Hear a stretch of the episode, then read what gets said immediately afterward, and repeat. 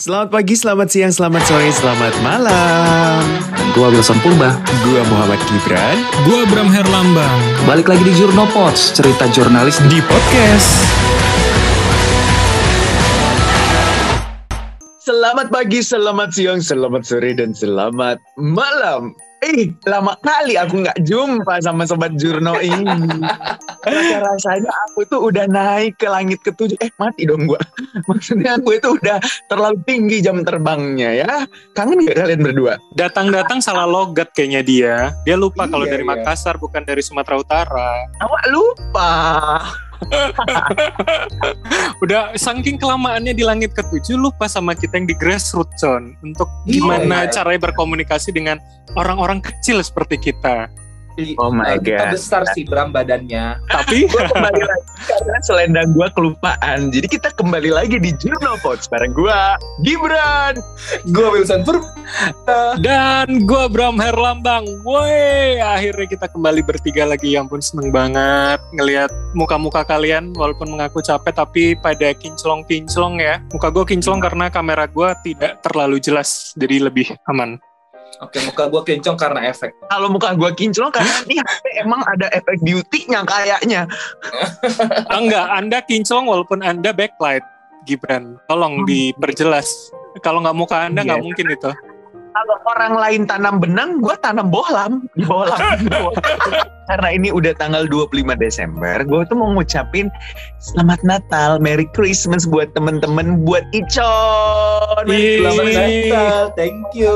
Selamat Natal, Icon. Enggak, Natal ini eh, eh, semuanya aman-aman damai dan semoga ini ya maksud gue kayak ini kan gue deg-degan nih kayak cuaca gitu-gitu semoga nggak apa-apa ya semoga nggak ada bencana sampai akhir-akhir ininya Eh, tapi eh, emang kalian boleh ya mengucapkan selamat Natal pada gue Jadi Kalau gue, karena keluarga gue itu heterogen, jadi gue tuh udah terbiasa hidup uh, saling toleransi, mengucapkan satu sama lain, terus juga mengerti gitu kan. Jadi kalau misalnya Lebaran, uh, saudara-saudara gue yang dari Manado, gitu kan, ucapin selamat Lebaran, hari, selamat Hari Idul Fitri gitu.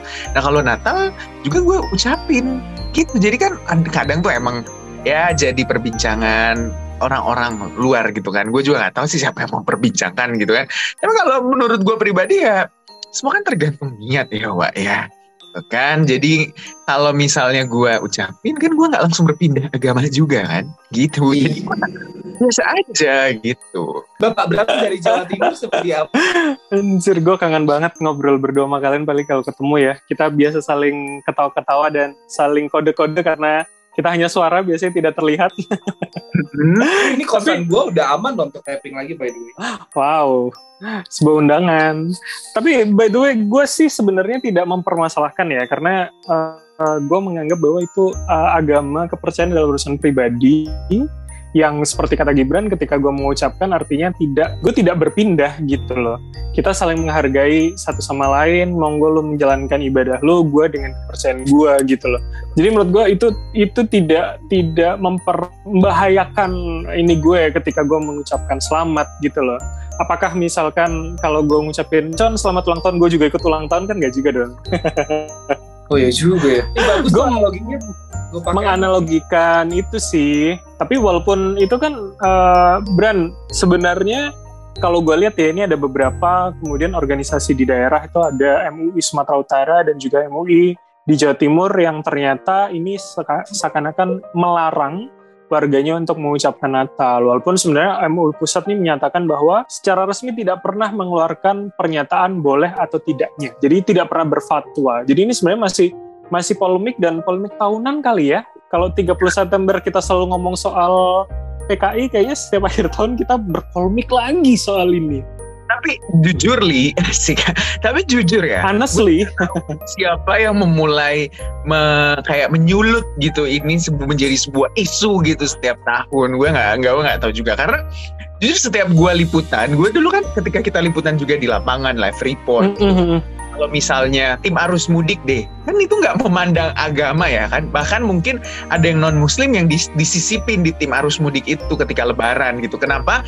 Ya biar ketika misalnya sholat idul fitri kita yang muslim tetap bisa sholat yang melaporkan yang bertugas itu kan yang non muslim kan? Atau misalnya pas lagi sholat taraweh terus ada program malam harus live report kan itu juga ditaruhnya non muslim gitu kan? Itu kan maksudnya ya menurut gua dia juga ketika live report ya dia mengucapkan selamat lebaran dan lain-lain gitu kan. Terus misalnya kalau ketika Natal gue liputan ke katedral ke mana dan segala macamnya. Dan di penghujung live report gue atau misalnya ketika gue bikin LOT gue tetap mengucapkan selamat Natal buat saudara-saudara yang saya. merayakan. Nah, semoga ya, ya, ya. tentunya apa yang diharapkan di Natal ini bisa tercapai. Atau semoga damai Natal juga selalu menyertai Anda saudara-saudara saya. Jadi nggak nggak nggak serta merta gue pindah agama gitu nggak juga biasa aja gitu Iya, tapi kita di, tapi kita profesinya menarik sih menurut gua karena kayak lo bisa masuk ke mana aja kan, kayak lo bisa jadi pejabat, lo bisa jadi Mhm. orang pinggir jalan gitu kan. Dan gue suka banget sih ini karena uh, gue berasa banget itu waktu uh, Jokowi ke Aceh Lebaran itu 2015. Gue di sana kan, dan itu kayak gue tuh masih anak baru lah hitungannya yang kayak gue tuh masih banyak belum mengerti istilah kan. Akhirnya tapi kayaknya dibantu kok bahkan sama bahkan sama driver saat ketika gue tanya kayak ini ngomongnya apa ya? Ini baiknya apa ya? Sekarang apa eh, acaranya ya? Dan mereka bantu sih gitu. Dan itu juga yang gue lakukan ketika kayak waktu itu gue liputan sama Motia Kompas eh, Natal gue di eh, acara GPIB Immanuel yang Jakarta Pusat dia berkerudung tapi dia live di dalam gereja. Maksud gue kayak ya udah itu kan tugas-tugas dia. Nah tapi kan it- sekali lagi itu kayak kita kalau kita mungkin ada ada terselamatkan karena profesi kan. Tapi kayak kalau yang lain-lain menurut lo gimana? Kayak waktu itu kan sempat heboh yang mbak-mbak mbak-mbak Alfamart atau Indomaret nggak apa-apa nyebut nyebut merek ya mbak-mbak Indomaret sama Alfamart yang mbak-mbaknya pakai kerudung terus habis itu dilapisin topi santa gitu kan jadi Oh, jangan itu bukan, bukan cuma itu, ada beberapa pusat perbelanjaan yang dalam tanda kutip dirajia kan sama sesuatu gitu, nggak usah disebut Hmm. apa gitu ya, pokoknya dirajia sama sesuatu gitu. Itu kan ketika misalnya ada yang eh, iya, yang misalnya ditanya muslim gitu, terus misalnya pakai ornamen-ornamen Natal atau apa pun itu, itu kan dirajia ya. Tapi menurut gue ya, itu kan kalau menurut pribadi gue nih ya, kembali lagi ke diri masing-masing kan. Kalau misalnya lu yakini kalau ketika lu menyebut eh, selamat Natal ternyata itu nggak boleh ya udah nggak usah gitu kan nggak usah lu lakuin Iya. Hal yang simple gitu diem aja gitu kan terus tapi kalau lu yakini bahwa itu nggak bakal berubah apa pun dalam eh, keimanan lu dalam agama lu dan segala macam ya udah ucapin aja nggak ada yang nggak nggak ribet gitu menurut gua aja terus misalnya kalau posisinya lu menjadi pejabatnya lu menjadi bupati wali kota gubernur presiden menteri kan rakyat lu itu bukan cuma dalam satu golongan tertentu kan? Jadi ya masa lu mau diem diem baik gitu kan? Cuma mm, mm, mm, mm, gitu kan? Kan nggak mungkin gitu. Jadi memang ketika ya profesinya dia as a leader gitu jadi pemimpin dia nggak mau nggak mau harus apa ya bisa bertoleransi lebih gitu toleransinya emang ya toleransi gitu Ini ya Bran, apa wujud untuk eh, simbol ini juga bisa menjadi simbol bahwa seorang pemimpin, seorang leader mau di tingkat mana pun itu dia harus bisa mengayomi semuanya gitu loh. Even dia ya pasti seorang punya background, seseorang punya referensi, tapi kan ketika dia jadi pejabat publik ya semua semua golongan yang harus kemudian bisa dirangkul gitu loh. Bener. Soalnya gue punya case ya Bram. Ada kasus di satu Mhm. daerah. Gak usah gue ucapin daerahnya. Dan dia tuh terus tapi ini gue kenal baik gue kenal baik gitu. Gue tanya. Dia tuh seseorang lah ya punya pokoknya punya nama dan jabatan lah ya. Gue tanya e, kenapa nggak diucapin? Terus dia bilang "Eh, karena saya ya gitulah alasannya seperti itu yang kita ketahui kan. Terus gue bilang lah kamu kan dalam tanda kutip ya yang berkuasa di sebuah wilayah gitu. Tapi wilayahnya lebih kecil lagi gitu kan skopnya dan di bawah lu itu ada masyarakat lu yang yang non muslim gitu kan yang merayakan itu. Terus dia bilang ya saya nggak mau ucapin aja. Saya juga nggak mau ber, eh, datang ke tempatnya. Terus kayak pokoknya nggak mau apa-apa. Terus gue bilang jadi lu selama ini nggak punya interaksi gitu dengan masyarakat lu yang non muslim gitu? Dia bilang ya biasa aja gitu. Nah kan menurut gue lu kan bukan pemimpin untuk satu golongan tertentu ya apalagi di Indonesia gitu ya. Orangnya tuh banyak suku agama ras bahkan kepercayaan juga ada gitu kan. Jadi ya selama itu nggak mengganggu lu nggak merusak ibadah lu bahkan nggak merusak iman lu juga ya udah biarkanlah semuanya beribadah dengan caranya masing-masing. Gitu menurut gua Tapi kan karena ada ajakan-ajakan itu loh yang yang itu tadi yang kayak maksudnya kayak uh, kasarnya menyisir itu itu yang menurut gue mungkin kalau pribadi menurut gue juga nggak masalah. Ketika dia tidak menyebut teman-teman gue ada juga yang tidak menyebutkan atau menyelamati gue gue nggak masalah gitu. Tapi ya ajakan-ajakan itu yang uh, ya mungkin kan kita kan uh, hubungan kan ada vertikal horizontal. Mungkin dia mm -hmm. lebih ke uh, horizontalnya gitu terus akhirnya dia ngajak orang. Tapi mungkin kalau ajak secara uh, halus nggak apa-apa kali ya. Tapi kan ini yang kayak sampai menyisir itu kan uh, jatuhnya menurut gua kayak agak jadi ada tidak kebebas untuk bertindak berpendapat gitu jadinya. Benar. Sama gua ada lagi satu kasus yang pernah gua temuin di sebuah kota juga. Ini terkait dengan penjualan souvenir atau kue gitu kan Con? Yang ada di atas kuenya ditulis ucapan dan segala macamnya Nah, si penjual ini nggak mau buat gitu. Tapi caranya dia nggak mau, dia mengupload itu ke sosmed dan mengumumkan. Dan tunggu saya, tunggu, itu yang yang tahun iya, kemarin iya, di, di, di Jakarta. Oke, linknya nanti di bawah ini ya kita masukin ya. Gua gak nyebut tokonya ya, tapi itu ya, ya gue inget, gue inget. Ya pokoknya di satu toko lah ya, terus dia dia ngupload bahwa e, maaf saya nggak menerima buat kue untuk ucapan ini ini ini, ini gitu gitu kan. Terus maksud gue kan itu adalah hal yang lu bisa komunikasiin ya dengan customer lu. Atau bahkan kalau lu mau lebih bijak lu bisa tutup toko lu di tanggal 21 sampai tanggal 27 kalau lu mau aman. Atau lu bilang kita nggak menerima orderan kita cuma uh, ready yang ada di situ aja dan nggak nggak ada tukang hias lah apa? Eh lu cari alasan aja gitu kan maksudnya lu nggak usah simplifikasi dan mengglorifikasi menjadi lebih besar isunya sehingga orang tuh gaduh jadinya gitu kan. Orang tuh punya pendapat masing-masing kan kayak kita misalnya bertiga juga punya pendapat masing-masing gitu kan. Dan ya misalnya ketika dia mendengar, mendengar pendapat kita kalau dia nggak setuju pasti dia akan langsung mengeliminasikan pendapat kita dari benak dia. Ya sama seperti pendapat dia juga misalnya ke gue gue eliminasi kalau nggak sesuai. Tapi alangkah baiknya diem diem aja gitu kayak ini sama seperti jadi gue punya keluarga juga punya toko kue gitu kan. Ini juga case lain lagi nih. Terus ya dia mengantisipasinya gimana? Karena dia percaya bahwa dia nggak nggak usah ngucapin gitu dia nggak mau ngucapin tapi dia bijaknya dia nggak mengumumkan kepada banyak orang dan dia langsung nutup tokonya sejak tanggal 20 sampai tanggal 1 Januari. Bayangin dia nggak menerima order. Oh, iya, iya. tapi Maksudnya, dia memang uh, menutup karena alasan dia tidak ingin mengucapkan atau tidak menerima ya. order itu? Iya dia emang nggak mau menerima order ada ucapan. Cuma okay. gue sukanya dia tuh nggak mengumumkan dia cuma langsung aja. Kan itu kan hal yang ya udah gue nggak terima order. Kalau ditanya kenapa kamu nggak terima order? Ya lagi nggak mau aja terima order. Kenapa kan nggak apa-apa nggak perlu diumbar-umbar gitu gue nggak apa karena gue nggak mau ucapan gitu. tapi menurut gue itu itu menjadi satu sikap yang sebenarnya perlu kita apresiasi ya artinya uh, ya kita Dewasa, kita ber, ya. bertoleransi kan artinya menghormati satu sama lain bukan artinya menyamakan semuanya gitu loh ya. tapi ya, tidak kemudian memprovokasi orang kemudian tidak mengajak orang uh, menganggap bahwa pilihannya adalah paling benar itu sih menurut gue yang harus yang yang mungkin bisa kita banyak bisa kita terapkan gitu loh. Hmm, tapi alasannya keluarga gue tuh ya dia pergi liburan karena tanggal merah dan akhir tahun dia masuk akal juga kan. Ya yang tahu terbatas ya, Wak. Iya, jadi dia cuma nggak naruh di sosmednya, maaf toko ini tutup sejak tanggal segini sampai segini close order karena ada keurusan gitu udah Gak, dan kalau orang kalau orang positif mungkin mikirnya kayak oh mungkin dia pulang kampung kali Natalan gitu ya, jadi nggak perlu nggak perlu ia mengeluarkan statement-statement tertentu yang bisa memperkeruh suasana, bener gak? gue gue sepakat, gue sepakat. Apalagi sejak Pilpres 2014, ingatlah bahwa kita sangat terpolarisasi teman-teman. Tidak hanya soal politik, tapi di banyak hal di kehidupan kita yang rasanya makin runcing gitu loh. Beda pendapat dikit ya kita harus berantem, berantem, berantem. Ya nggak, John? Iya, bener dong.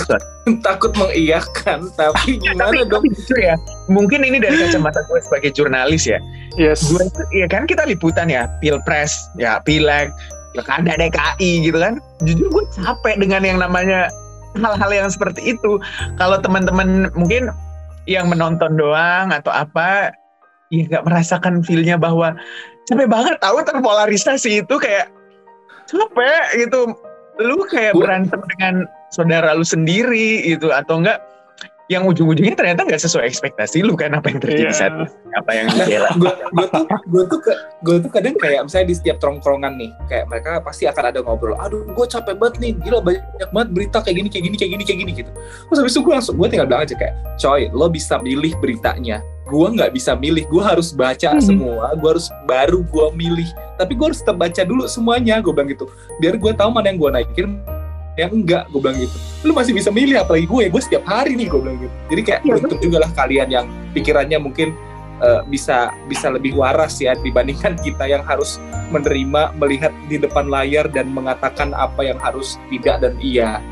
Hmm, ibarat kan sekarang lu nerima informasi banyak, tapi kan lu bisa pilih mana yang lu mau eh, cerna, mana lu yang mau terima, mana yang nggak mau lu terima gitu. Mereka nggak tahu bahwa lelahnya liputan yang terpolarisasi itu capek, coy, kena gas air mata, coy. Enggak. persekusi coy Iya itu apa artinya nggak cuman ter, ter apa ya tercapek karena melihat, tapi kita juga ikut terstigma gitu loh teman-teman. Terstigma merasakan- dari dan merasakan capeknya gitu kan. Mereka tuh nggak tahu rasanya dilemparin air kencing ya, cuy. Kena air kena ya? Oh, gue lupa sih. ya kena cuy kan jadi kayak gue tuh males aja gitu kayak kalau bukan karena tugas nih gue gak mau Oke deh.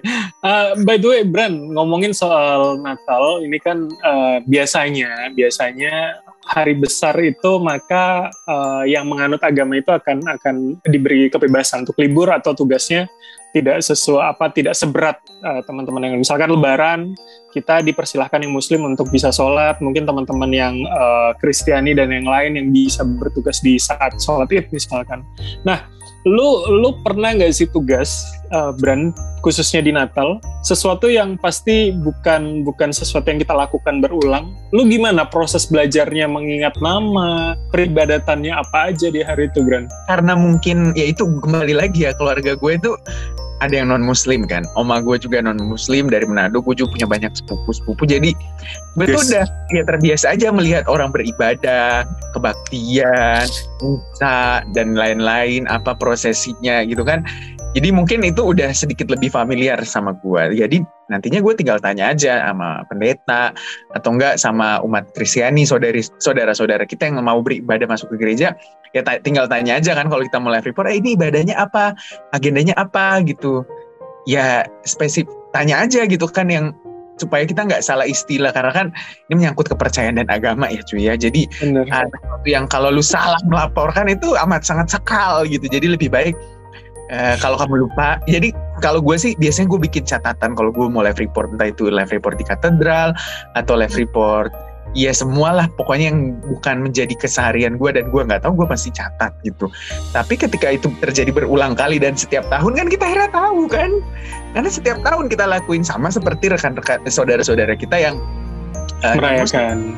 live report di lebaran kan pada tahu kan malam takbiran apa yang terjadi dan segala macam tahu sampai culture-nya bahwa ada ketupat, opor dan segala begitu gitu kan akhirnya karena kita kebiasaan jadi sebuah rutinitas tahunan ya udah jadi tahu gitu Iya, iya. gue tuh malah eh, pertama kali dulu live di gereja adalah di Aceh, Con. Waktu itu BKO kan. Nah kebetulan kepala bironya Bang Romi, dia dia Oh, iya. eh, juga merayakan Natal dan ya gue sangat bersyukur waktu itu gue bisa nanya eh, nanya banyak hal yang gue akhirnya tahu prosesinya apa aja, eh, akan misalkan ibadah di jam berapa aja gitu loh. Ini kan sesuatu yang berbeda ya. Dan bener kata Gibran, akhirnya mau nggak mau kita bikin catatan yang supaya kita nggak salah karena yang nonton kita kan pasti orang yang menunggu gini loh. Informasi oh di tempat A misalkan dia mengikut beribadah di situ dia akan tahu oh uh, jam sekian loh misalkan dimulainya jadi gue harus berangkat di jam sekian dan segala macam. Jadi ya itu sih uh, tantangan kita ya teman-teman sebagai jurnalis untuk tidak hanya tahu soal apa yang kita anut, apa yang ada di kita gitu tapi juga uh, apa ya kepercayaan orang lain juga bisa kita kita pelajari untuk laporan untuk untuk uh, berita gitu loh. Nah, Icon sendiri gimana, Con? Untuk di hari H lu pernah tugas nggak? Atau lo memilih untuk cuti di tanggal itu? Pernah dong, masa nggak pernah? Eh, dulu di zaman TV yang dulu selalu tugas. Terus tugasnya malah kayak, oke, kalau dulu gue malah kayak eh, selalu tugaskan tapi di gereja. Jadi kayak oh biar lo sekalian gereja. Tapi kan mohon maaf ya program kan ada. Jadi kadang di tengah-tengah ibadah gue duduk nih di depan kamera gue gue duduknya. Terus habis kayak misalnya udah udah mau live gue jalan. Jadi live report dulu baru habis itu ibadah lagi. Jadi beran literally ibadah sambil eh bekerja sambil berdoa tuh tuh gue lakukan. Karena tapi gimana ya? Gue sih uh, mengatakan uh, sebenarnya ada opsi untuk mungkin gue pilih cuti gitu ya. Tapi maksud gue uh, ketika gue juga senang melakukan pekerjaan itu dan menurut gue pekerjaan juga adalah ibadah jadi nggak apa-apa sih. Menurut gue gue sih bukan orang yang tipe terganggu yang kayak oke okay, ketika ini hari Natal adalah hari saklar bagi eh saklar lagi apa? Sakra sakral bagi gue jadi kayak gue harus cuti gitu. Gue sih bukan tipe yang kayak gitu. Cuma untungnya bersyukurnya di TV yang sekarang ketika setiap Natal gue tuh diizinin libur. Nah kalau untuk ini tahun ini karena gue ambilnya dua hari jadi gue cuti dan diizinin gitu. Jadi kayak oke okay, gue akhirnya baru mulai menikmati yang Natal beneran kayak gue Natal meskipun gue di rumah atau gue ketemu mm -hmm. sama teman-teman gue jadi kayak berbeda lah gitu gue nggak liputan lagi gitu. Eh tapi ngomong-ngomong tahun lalu gue Natal masuk sih bahkan itu gue Natal siaran uh, uh, pagi siang sore karena teman-teman saya covid pada saat itu. Jadi saya yang harusnya dikasih libur nih dikasih libur nih harusnya nih. Masuk jadinya guys tapi nggak apa-apa. Demi kebaikan bersama. Ibadah online ya Con okay. iya kemarin. jadi gue ibadah online. Mm-hmm. jadi menurut gue tuh apa ya uh, segala sesuatunya sebenarnya itu bisa dikomunikasikan tergantung pribadi masing-masing. Kalau misalnya apa yang lu percayain nggak boleh ya udah nggak usah lu lakuin. Tapi ketika lu nggak lakuin lu nggak usah ibaratnya me, apa ya memobilisasi orang biar mau menerima apa yang menjadi pemahaman lu gitu kan. Karena kan ya tidak semua orang bisa menerima pemahaman kita, ide kita, atau mungkin pola pikir kita gitu. Jadi cukup berhenti di kamu aja gitu. Kalau kamu nggak bisa, ya udah nggak bisa. Kalau kamu bisa, ya udah bisa gitu. Karena kalau kalau gue pribadi, gue nggak pernah memaksakan pola pikir gue atau apa yang gue percaya dan yakini untuk orang juga harus percaya dan yakini karena ya udah nggak apa-apa tiap orang kan punya pilihan masing-masing gitu. Sepakat sepakat. Lagi pula ini bisa menjadi momen sebetulnya buat kita bersama untuk lebih merekatkan ya persatuan sebagai sesama manusia apalagi sebagai Indonesia gitu loh. Kalau kita tadi bicara di 2014 kita mulai terpolarisasi, kita mulai terpecah-pecah, mungkin dengan hal-hal kecil gini kita mulai one day kita mungkin akan lebih enak, lebih adem kali ya pilpres mendatang ya. Jadi nggak terlalu gontok-gontokan gitu loh tiap lima tahun. Hmm, benar benar oh, benar. Uh, tapi sayangnya nanti tahun 2030 baru Natal dan tahun baru eh eh baru Natal dan Lebaran itu berdekatan banget. Tapi 2030 tuh nggak pilpres guys, 2029 pilpres harusnya itu. Jadi kayak biar lebih Kenapa? Jadi politisi-politisi itu memanfaatkan momen itu untuk kayak ayo kita saling bertoleransi, kita memang uh, berbeda gitu kan. Komunikasi politiknya gue mikirnya ke situ, tapi kayak penempatan tanggalnya tahunnya nih kayak tahun politiknya beda salah gitu. Ya, tapi yang gue pikir gue tuh kan selalu menerima pertanyaan itu. Beran kenapa sih lu ngucapin gitu kan? Terus gue tuh cuma berpikir kalau misalnya gue nggak ucapin sedangkan misalnya waktu itu oma gue masih hidup gitu kan terus di hari Natal terus di rumahnya nih gue nginep masa gue bangun pagi oma hmm, hmm, hmm, hmm, hmm. kayak bahasa isyarat. Kan kayak oma gue bilang ya apa apa? Begitu kan jadi kenapa nih anak? Kan kan mungkin gue pakai bahasa isyarat gitu. Jadi ya kalau orang bilang nggak nggak nggak usah dicobain ya gue nggak nggak punya bukan nggak punya pilihan tapi emang gue meyakini ya udah itu nggak akan merubah sesuatu gitu. benar-benar oke deh kalau gitu teman-teman uh, thank you banget. Di episode kali ini seneng banget rasanya kayak kembali dapat feelnya. Uh, kita ngobrolin soal yang adem-adem aja di akhir tahun dan semoga ini bisa mendengarkan didengarkan teman-teman juga dan bisa menjadi insight baru buat para pendengar kita untuk lebih adem kali ya menanggapi banyak perbedaan. Kalau nggak cocok, ya udah cukup diem aja, nggak perlu kompor-komporin yang lain. Karena kalau kamu cari perbedaannya, kamu akan terus mendapatkan. Tapi kamu coba kamu cari persamaannya, titik temunya gitu, biar enak. Kalau kamu cari perbedaan terus, ya nggak bakal selesai hidup ini gitu. itu itu ucapan buat akhir tahun apa cari pasangan berarti? ya wes lah ya mas, ya mas. Kalau gitu episode Jurnopot kali ini sampai sini aja. Gue Bram Herlambang. Gua Muhammad Gibran. Gua Wilson Purba, ditunggu ya Bram dan Gibran uh, bingkisan Natal buat gua. Terima kasih, sampai jumpa. Sampai jumpa. Selamat pagi, selamat siang, selamat sore, selamat malam. Gua Wilson Purba. Gua Muhammad Gibran. Gua Bram Herlambang. Balik lagi di Jurnopods, cerita jurnalis di podcast